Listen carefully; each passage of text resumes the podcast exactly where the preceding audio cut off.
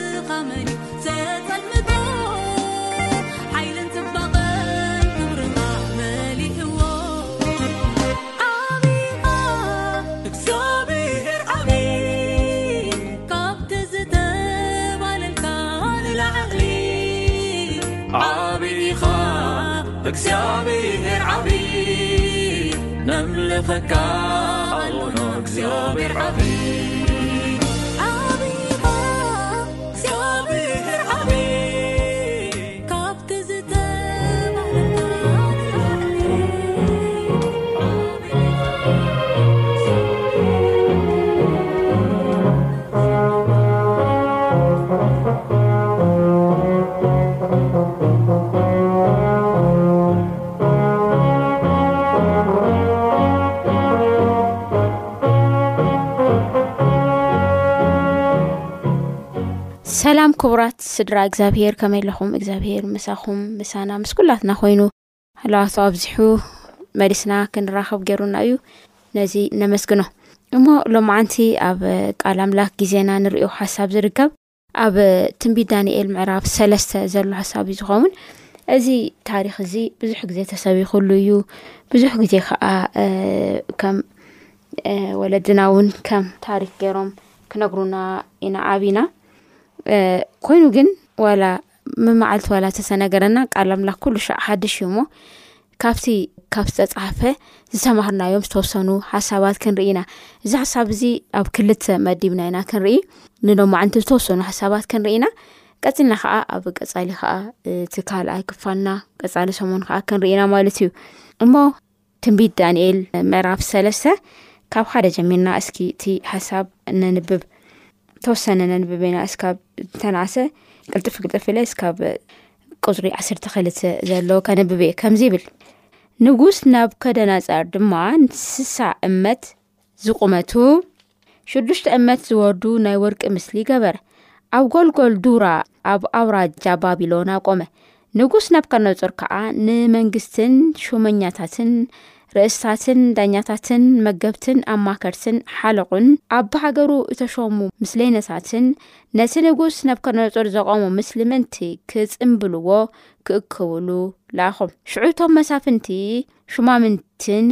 ርእስታትን ዳኛታትን መገብትን ኣማኸርትን ሓለቑን ኣብ ብሃገሩ ተሾመ ምስልነታትን ነቲ ንጉስ ነብቀኖጾር ዘቖሞ ምስሊ ክጽምብልዎ ተኣከቡ። ኣብ ቅድሚ እቲ ነብቀኖጾር ዘቖሞ ምስሊ ከኣ ቆሙ። እቲ ኣዋጅ ነጋሪ ዓው ኢሉ ኣቱም ህዝብታትን ወገናትን ቋንቋታትን፣ ደሃይ መለከትን እምብልታን መሰንቆን በገናን ጭራዋጣን ነጋሪትን ብዘሎ መሳርያ፣ ሙዚክን ምስ ሰማዕኹም ነቲ ንጉስ ናብከደነጾር ዘቖሞ ምስሊ ወርቂ ፍግም ኢልኩም ክትሰግዱሉ ተኣዚዝኩም ኣለኹም በለ። ፍግም ዘይበለን ዘይሰገደን ግና ብኡ ብኡ ኣብ ጉሁር እቶን ሓዊ ክድርበ እዩ ኢሉ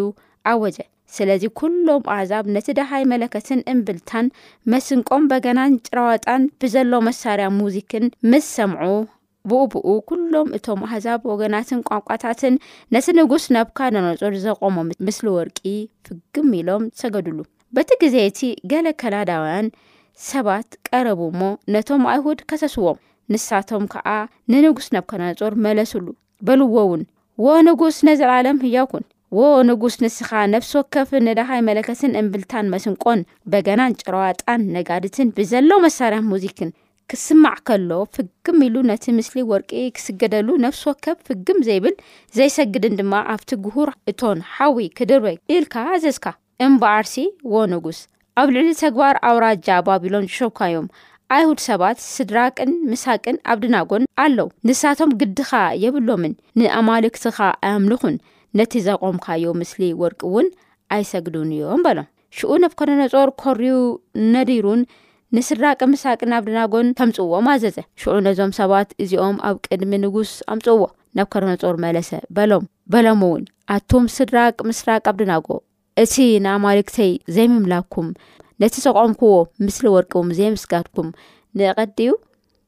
ኢሉ ክሃትት ከሎ ኢና ንርኢ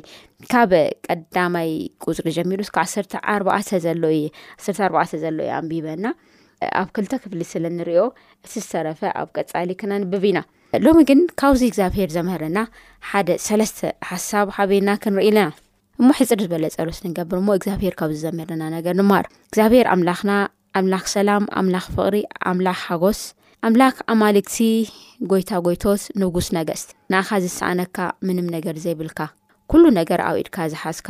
እሞ ሕዚ ኣብዚ ግዜ እዚ ኣብ ቅድሜና ቀሪብና ነና ደቅኻ ባሪኸና በቲ ቃልካ ጌርካ ኣጸናንዐና ኣቆመና ኣቦ ኣብዛ ክፍእቲ ኣብ ዝኾነት ምድሪ ክንመላለስ ከለና ናትካ ፍቕሪ ናትካ ጸጋን ምሕረትን ለውሃትን እናረኣና ክናምልኸካ ከኣ ንርድኣና ሰማዕት ኣብ ዘለዎ ቦታ ጎይታ ባርኮም ኣብ ፀፀገሞም ኣብ ሽግራቶም ኣብ ንኣካ ዘሎዮ ነገር ኩሉ ክርስቶስ እዚ እውን ንስኻ ጎይታ ምዃንካ ክትእውጀሎም ኢልምነካ ኣለኹ ብወድኻ ብየሱስ ክርስቶስ ሽም ኣሜን ሕራይ ክብራ ሰማዕቲ እሞ ካብቲ ሕዚ ዘንበብናዮ ሓሳብ ተወሰኑ ክልተ ወይ ሰለስተ ሓሳባት ሓቢርና ክንርኢ ይግባኣና እቲ ናይ መጀመርያ ሓሳብ ካብ ዳንኤል ካብ ስድራቅ ምድራቅ ኣብድናጎ ንምሃሮ ነገር ሕርኩት ዝኾነ መንነት ነይርዎም እዞም መንእሳያት እዚኦም ኣብ ባቢሎን ካብ ኢየሩሳሌም ተማሪኮም ናብ ባቢሎን ዝኸዱ እዮም ኮይኑ ግን ኣብቲ ዝነበሩ ኣዲ እንታይ ነይርዎም ብጥበብ ልህቃት እዮም ነይሮም ጥበበኛታት እዮም ነይሮም ምክንያቱም መጀመርታ ጥበብ ሲ እግዚኣብሄር ንእግዚኣብሄር ምፍራህ እዩ ቃል እግዚኣብሄር ካብ እግዚኣብሄር ዝተልዓለ ምስ እግዚኣብሄር ካብ ምዃኖም ዝተልዓለ ናይዚ ናይ ጥበብ ምስጢሮም እግዚኣብሄር ዋላ እንተኾነ እሶም ግን ምርጫ ብምግባሩ ምስ እግዚኣብሄር ብምዃኖም ጥበበኛታት ከም ዝኮኑ ንርኢ ኣለና እንታይ ኢና ንሪዮ እዚ ምስ እግዚኣብሄር ጥራሕ ኢና ንኤና በ እግዚኣብሄር ምሳና ኒኦ እናበሉ ብኣፎ እናበሉ ኮፍ ክብሉ ከሎ ኣይኮና ንርኢ ማለት እዩ በቲ ዝተሃቦም እግዚኣብሄር ብዝሃቦም ነገር ኩሉ ዝፍለጡ ብናይ እግዚኣብሔር ነገር ዝፍለጡ ኮይኖም ኣብቲ ዓዲ እቲ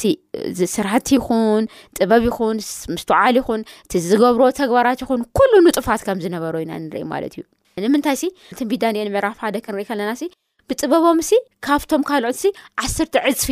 በዚሆም ከም ዝተረኸቡ ኢና ንርኢ ካብኡ ዝተላዕለ ነቲ ሹመት ከም ዝረኸቡ ነቲ ስልጣን ከም ዝረኽቡ ሰበ ስልጣን እዮም ባይዘወይ ኣብቲ ናይ ባቢሎን ኣውራጃ ካብ ዝተሾሙ ሰባት ከም ዝነበሩ እዩ ቃል እግዚኣብሄር ዝነግረና ማለት እዩ ትዋና ሕቶ ግን ትዋና ሕቶ ግን ሕና ኩላትና እዚ ንሰምዕ ዘለና በዚ ቃል እዚ ንነብር ዘለና ምናልባት ተምሃሮ ክንከውን ንኽእል ኢና ሰራሕተኛታት ክኸን ክንኢና ኣብ ገዛ ዘለና ክንከውን ንክእል ኢና ኣብ ዝተፈላለየ ቦታ ኣብ ዝተላፈላለየ ኩነታት ኮይና ነዚ ሓሳብ እዚ ንሰምዕ ዘለና ወይ ከዓ ነዚ ሓሳብ እዚ እግዚኣብሄር ዝገለፀልና ሰባት በዚ ግዜ እዚ ኣብቲ ናይ ጎይታ ነገር ኣብቲ ምስ እግዚኣብሄር ብዘለና እግዚኣብሄር ንሃበና ጥበብ ብምሓዝ ኣብ ዘዘለናዮ ቦታ ፅዕንቶ ፈጠርቲ ዲና ዝብል እዚ ሓደ ሓሳብ እዩ ማለት እዩ ንምንታይ እዞም ሰባ እዚኦም ትጉህ ማለት ብርቱዕ ዝኾነ መንፈስ ነይርዎም ካብኡ ዝተላዓለ ፍሉጣት እዮም ነይሮም ብስርሖም ከዓ ብትክክል እግዚኣብሄር ብዝመደቦ ቦታ ብትክክል እናሰርሑ ዝተረከቡ ከምዝኾነ ኢና ንሪኢ ኣለና እና ኣብ ቆሎሴ ቆሎሴ ምዕራፍ ሰለስተ ፍቕዲ ሰን ሰለስተ እንታይ ይብለና መሲሉኩም? ነቲ ዓስቢ ርስቲ ካብ ጎይታ ከም እትቅበልዎ እናፈለጥኩም እትገብርዎ ዘበለ ንሰብ ዘይኮነስ ንጎይታ ከም እትገብርዎ ጌርኩም ካብ ልቢ ግበርዎ ይብል ማለት እዩ። ንምንታይ ሲ ንጎይታና ክርስቶስ ይኹም እትግዝእዎ ዘለኹም ኣብ ሕድሕድ ኣብታ ዝኣተናይ ቦታ ምናልባት ሲቪል ሰርቫንት እዚ መንግስቲ ንዓ ስርሐለ ኢላ ንቆፀርና ዝተፈላለዩ ድርጅታት ክቆፅሩና ይክእሉ ዝተፈላለየ ቦታ ከምከውን ንክእል ኢና ኣብ ልለናዩ ዋላ ነሽተ ይንኣስ ይብዛሕ ኣብ ዘለናዩ ቦታ ኩሉ እግዚኣብሄር ኣሎ ማለት እዩ ስለዚ እቲ ንገብሮ ነገር ኩሉ ንክብሪ ጎይታ ክንገብር እዚኦም ሰለስተ እብራውያን እዚኦም ካብኡ ንመሃር ማለት እዩ ስለዚ ትጉህ ክንከውን ማለት ተግሂና ክንሰርሕ ማለት እዩ ንፁፋት ክንከውን ብርቱዓት ክንከውን ብና ምድሪ ነገር ዋላ እዚኦም መንእሰያት እዚኦም ምስ እግዚኣብሄር በቃ ብዘለዎም ነገር ኩሉ ስለ ዝወድኡ እግዚኣብሄር ብጥበብን ብመንፈስን ብፍልጠትን ዝመልኦም ከም ዝኾነ ኢና ንርኢ እሞ ሕናለ ብመዓልቲ ፍልጠት እግዚኣብሄር ጥበብ እግዚኣብሄር ምሳና ኮይኑ እቲ ንገብሮ ዘበለ ኩሉ ከዓ ንእግዚኣብሄር ክብሪ ክንገብር ኩሉ ሻእ ክንፅዕር ከም ዘለና እቲ ሓደ ካብኡ ንምሃሩ ነገር እዩ እቲ ካልኣይ ነገር መኣስ ክንፍለይ ከም ዘለና ከዓ ክንፈልጥ ኣለና መኣስ ክንፍለይ ከም ዘለና ክንፈልጥ ኣለና። እዞም ስድራቅ ምስራቅ ኣብድናጎ ሰለስቲኦም እቲ ንጉስ ክጽውኦም ከሎ መጺኦም ተኣዚዞም መጺኦም ኣብቲ ዱራ ሜዳ ተኣከቡ ካብኡ እምብልታ መስንቆ ሙዚቃ ናይ ሙዚክ ድምፅታት ኩሉ ምስ ሰማዕኹም ስፍግም ኢልኩም ስገዱለይ ክብሉ ከለዉ ሱለ ሰሚዖም እዮም እስካብታ መወዳእታ ተኣዚዞም እዩ ግን ኣብ ሓደ ቦታ ግን ተፈልዮም ደው ክብሉ ከሎ ኢና ንርኢ። ገለ ገለ ግዜ ሓና ንጎይታ እንፈልጥ ጸለይቲ ኢና፣ ኣምለክቲ ኢና፣ እግዚኣብሄር ምሳና ኣሎ ንብል ሰባት ካብቶም ካባና ካብ ዝተፈለዩ ኢልና ንሓስቦም ሰባት ንባዕልና ንንጽል ካብኡ በቃ ንባዕልና ዝተፈለና ፍጡራት ገርና ኢና ንወስድ ከምኡ ግን ኣይኮነን። ረብዎም እዞም እብራውያን እቲ ኩሉ ዝግባእ ነገር ክገብሮ ዝኽእሎ ነገር ተኣዘዝዎ ነገር ኩሉ ክገብርዎ ከሎ ንርኢ እቲ ህዝቢ ክፅዋዕ ከሎ ሓቢሮም መፂኦም እዮም እቲ ህዝቢ ክጓዓዝ ከሎ ሓቢሮም ተዋዒዞም እዮም ክዘዋወር ከሎ እቲ ናይ ንጉስ ሓላዊ ተፀበይሉ ከፅበዮም ከሎ ተፀብዮም ነይሮም ሓንቲ ነገርን ኣይገብሮ ነታ ደው ዘበልክዋ ምስሊ ወርቂ ስገዱ ኣብ ልባዓል ግዜ ኖ ንምንታይ ኣብ ትሕቲ ኣብ ምድሪ ኣብ ላዕሊ ኣብ ሰማይ ካብ ዝተፈጠሩ ነገራት ማንኛውም ስእሊ ይኹን ምሳሌ ይኹን ንኣኻ ኣይትግበር ዝብል ኣብ ኣይምሮም ተቀርፁ እዩ ስግደት መን እዩ ዝግባእ ንጎይታና ንመድዕኒና ንየሱስ ክርስቶስ ኣቦ ምሕረት ንዝኾነ ረዳእኢ ንዝኾነ ኣምላኽና እዩ ዝግባእ ንስላሴ እዩ ዝግባእ ንኣብ ንወልድ ንመንፈስ ቅዱስ ሰሉስ ወይ ሰለስተ ኣብ ሓደ ዝኾኑ ስግደት ንእግዚኣብሔር ጥራሕ እዩ ዝግባእ ስግደት ንኣምላኽና ጥራሕ ይግባእ ስለዚ ናባና ናምፃኣዮ እዚ ክርስትያና ስለ ዝኾንና ምናልባት ዝተፈላለዩ ሽማት ኣሎ እዚ ኣብ ምድሪ ዝተዋሃቡ ብጣዕሚ ብዙሓት ሽም ተዋሂቡ ሰብ ኣብቲ ጉጅለ ጉጅለ ጉጅለ ዝተጎጅልኒ ዮ ስለዚ ኣብቲ ተጎጀልናዮ ጉጅለ ብኩሉ ነገር ካብ ሰባት ካብ ካልኦት ሰባት ንፍለየልና ክንሓስብ የብልናን ኮይኑ ግን መኣስ ክንፍለይ ከም ዝግባኣና ግን መኣስ ጸጥ ኢልና ደው ንጎይታ ከም ንብል ግን ክንፍለይ ከም ዝግበና ሓጢኣት መንገዲ እግዚኣብሔር ዘይደልዮ መንገዲ ክንከይድ ከለና ካብኡ ክንፍለይ እግዚኣብሔር ይሓተና ሓቢርና ምግቢ ሰላዕና ሓቢርና ኣብ ዝተፈላለዩ ናይ ፅቡቃት ዝኮኑ ሰናያት ስራሕቲ ተሰርሓና ሓቢርና ተፃወትና ሓጢኣት ዘይብሉ ፃወታ ማለት ብዙሕ ግዜ ሎሚ ጫወታ እውን በዓሉ ሓጢኣት ዝመልኦ ሓጢኣት ዝፈሰሶ ዩ ኮይኑ ኒኦ ሰብ በቃ ኣብዘያስሕቕ ኣብ ክፉእ ዝኾነ ሓጢኣት ኮፊ ኢሉ ካብኡ ግን ካዓዓዓዓላለ ዝስሕቀሉ ዘመና በፅሕና ኒና ግን እቲ ንእግዚኣብሔር ክብሪ ዝኸውን ፃወታ እቲ ሓጢኣት ዘይብሉ መንገዲ ዘሎ ፃወታ እግዚኣብሔር ምክንያቱም ክንስሕቅ ክንፃወት ገይሩ እዩ ፍጡራት ገይሩ ፈጢሩና ማለት እዩና ኣብ ሕድሕድ ነገራት ምስ ሓቢሮም ምስ ዘለዉ ኣካላት ክንሳተፍ ይግባእና ማለት እዩ መኣዚና ግን ክንፍለይ ክንብል ከለና ናብ ሓጢኣት ዝመርሑና መንገድታት እንተረኪብና ግን ካብ መንገዲ ኣምላክ ካሪሕቁና ዝካዱና መንገዲ ነገራት ክስምዐና ከሎ ግን ሓቢርና ክንሰርሕ ክንመሃር ውኢልና ክንከውን ንክእል ኢና ድሕሪኡ ምሸት ከዓ ንዑ ሓቢርና ናብ ዝኾነ መስተንስተ እዚኣ ንግበር ንሓጢኣት መንገድታት መሊኦም እዮም ሎሚ እዚ ኣነ ንዓኹም ቆፂረልኩም ኣይኮንኩይ ክብሉ ከለዉ ግን እንታይ ክንገብር ለየና ኖ ኣይኸውንን ክንብል ከም ዝግባኣና ንነግር ማለት እዩ ስለዚ መዓዝ ክንፍለ ከም ዝግባኣና ካብ ቃሉ ዘሎ ሓሳብ ፍልጠት ይህበና ማለት እዩና እቲ ናይ ቃል ሓቂ ከዓ እቲ ናይ እግዚኣብሄር ዝሃበና ናይ ቃሉ ሓቂ ብመንፈስ ቅዱስ ኣቢልና ኣብ ልብና ሰዊርና ናይ እግዚኣብሄር ረድኤት እናሓተትና ንቅድሚት ክንካይድ ማለት እዩ በይ ገለገለ ሰባትት እዚ ናብ ገዳማት ይኸዱ ተፈዮ ተፈልዮም ናብ ገዳማት ይኸዱ እርግፅ እቲ ናይ ምድሪ ዘሎ ነገር ኩነታት ኩሉ ገዲፍካ ብረር ጥፋእ ዘብል እዩ ሎሚ ገዳም ንኩሉ ሰብ ከም ለድሊ ኩነታት እዩ እኒኦ ምድሪ ኣብ ሓጢኣት እያ እኒኣ ግን ኮይታና መድሃኒና የሱስ ክርስቶስ እንታይ ኢሉ ሓሉ ኣብቲ መጀመጸረሻ ከባቢ ክጽልየልና ከሎ ንቅዱሳን ክጽልይ ከሎ ኣብ ምድሪ ንዘለና ነዚ ኣይነት መንገዲ ክንሓልፍ ዝተረድኦ እግዚኣብሔር እቲ ና ቅድሚት ዘሎ ዝርአ እቲ ኣብኡ ዝነበረ ህዝቢ ዝርኢ ዝነበረ ጎይታና መድኒና የሱስ ክርስቶስ እንታይ ኢሉ ካብ ዓለም ኣውፅኣዮም ኣኾንኩን ይብለካ ኣለኹ ኣብ ዓለም ከለዉ ግን እንታይ ግበሮም ካብ ዓለም ኣውፃዮ ተዘይኮነስ ኣብ ዓለም ከለዉ እንታይ ግበርዎም ሃልዎም ኢሉ ከም ዝጸለየና ኢና ንርኢ ጎይታ ስለዚ ምናልባት እቲ መንፈስና ውሽጥና ዘሎ ነገር ኣብ ልብና ቃል ኣምላኽ እናሰወርና ኢና ካብ ሓጢኣት ንወፅእ ንኽእል እምበር ብኣካል ሰውኢልና ካብ ሓጢኣት ዘለዎ መንገዲ ክርሕቕልና ርሕቅና ተኸና መንፈስና ምሳና ይካድሎ እዩ ኣእምሮና ምሳና ይካድሎ እዩ እቲ ሓጢኣተኛ መንነት ምሳና ይካድሎ እዩ ዋይ ኣነ ምጉዱር ሰብ ካብዚ ካብ ሞት ዝተሰጠሐ ስጋሲ መን ኮንካ ድሕነኒ ኢሉ ጳውሎስ ስለዚ እቲ መንነት እሱ ምሳና ሓቢሩ ይኸል እቲ መንነት እሱ ዘፅሪ ግን መን እዩ መንፈስ ቅዱስ እዩ ቃል እግዚኣብሄር እዩ ስለዚ ብመንፈስ ቅዱስ እናተመልእና ብቃል እግዚኣብሄር እናተመልእና እቲ ንሓጢኣት መንገድና እናገደፍና ክንካይድ ንኽእል ኢና እና ኣብ ንፍለየሉ ቦታ ኩሉ እናተፈለና ንቅድሚት ክንካይድ ካብዞም እብራውያን ሰለስተ እብራውያን ንማር ማለት እዩ እቲ ሳልሳይ ናይ መወዳእታን ናይ ንሎማዓንቲ እቲ ሳልሳይ ናይ መወዳእታን ከ ምፍርራሕ ነይሩ ምፍርራሕ ነይሩ እስቲ ከናንብቦ እቲ ጥቕሲ ቀፂልና ኣይወዳእናዩ እቲ ምፍርራሕ እንታይ ነይሩ እታኖ መጀመርያ እቶም ከላዳውያን ወይ ከዓ ኣብኡ ክሰግዱ ዝተኣከቡ ሰባት ካይዶም ንንጉስ ክነግርዎ ከሉ ኢና ንርኢ እቲ ንጉስ ከዓ እንታይ ኢልዎም እቲ ዝበልክዎ ነገር ዘይትገብር ኣለኹም ሓቂ ድዩ ኢሉ እዋ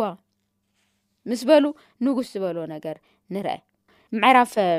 ሰለስተ ትንቢት ዳንኤል ምዕራፍ ሰለስተ ካብ ፈቐዲ ዓሰርተ ኣርባዕተ ጀሚረ የንብብ ኣለኹ ናብ ከደነጾር መለሰሉ በሎም እውን ኣቱም ስድራቅ ምስራቅ ኣብድናጎ እቲ ንኣማልክቲ ዘይምምላኩም ነቲ ዘቆምክዎ ምስሊ ወርቂ እውን ዘይምስጋድኩም ንዕቀት ድዩ ሕጂ ድማ ነቲ ደሃይ መለኸትን እምብልታን መስንቆን በገናን ጭራዋጣን ነጋሪትን ብዘለዎ መሳሪ ሙዚክን ክትሰምዑ ከለኹም ፍግም ክትብሉን ነቲ ዝገበርዎ ምስሊ ክትሰግድሉን ተዳሉ እንተዘይሰገድኩም ግና ብኡ ብኡ ናብቲ ጉሁር እቶን ሓዊ ክትድብረዩ ኢኹም በለ ሓዊ ዓንዲድኻ ሓልሓልሓልሓል ዝብል ሓዊ ኒኣብ ቅድሚኦም እሞ እንተዘይተጊትኩም እንታይ ትገብሩ ተግበሩ ኢኹም ናብዚ ሓዊ ክንድብርኩም ኢና ክብል ከሎ ኢና ንደለ እዚ ንጉስ ማለት እዩ ዳሓራይ ዋላ ተርእና እቲ ሓይሊ ብሸዓተ ዕፅፊ ንክውስኽ ክገብሩ ከሎ ንርኢ ማለት እዩ ዳሓር ስድራቅ ምስራቅ ኣብ እናጎዞም ዕብራውያን እቲ ሓዊ እናወሰኸ ዓይኖም እናርአ እናወሰኸ እናጓሃረ ክካይድ ከሎ ይርዩ ነይሮም ግን በቲ ጉዳይ እሱ ክደራደሩ ኣይደለዩ ማለት እዩ እግዚኣብሄር ከድህነና ይክእል እዩ እንተዘየደነና ዋላ እግዚኣብሄር እምቢ ኢሉ ሱቅ እንተኢለና ዋላ እንታይ ንገብርና እቲ ንስኻ ደው ለበልካዮ ምስሊ ስታይ ንገብር ኣይንሰግድን ክንመውት ኢና ክብሉ ከለዉ እና ንርኢ ማለት እዩ ሰይጣን ብዙሕ ግዜ እንታይ ገበረና መሲልኩም ንእግዚኣብሄር ክንእዘዝ ከለና ብዙሕ ነገር ከም ንስእን ገይሩ የንብረና ኣብ ኣእምሮና ማለት እዩ ኣብ ሓሳባትና የምፀልና ኣብ ናብራና ቀቅድሜና የምፀና ማለት እዩ ኮይኑ ግን ንሳቶም እቲ ናቱ ምፍርራሕ ካብ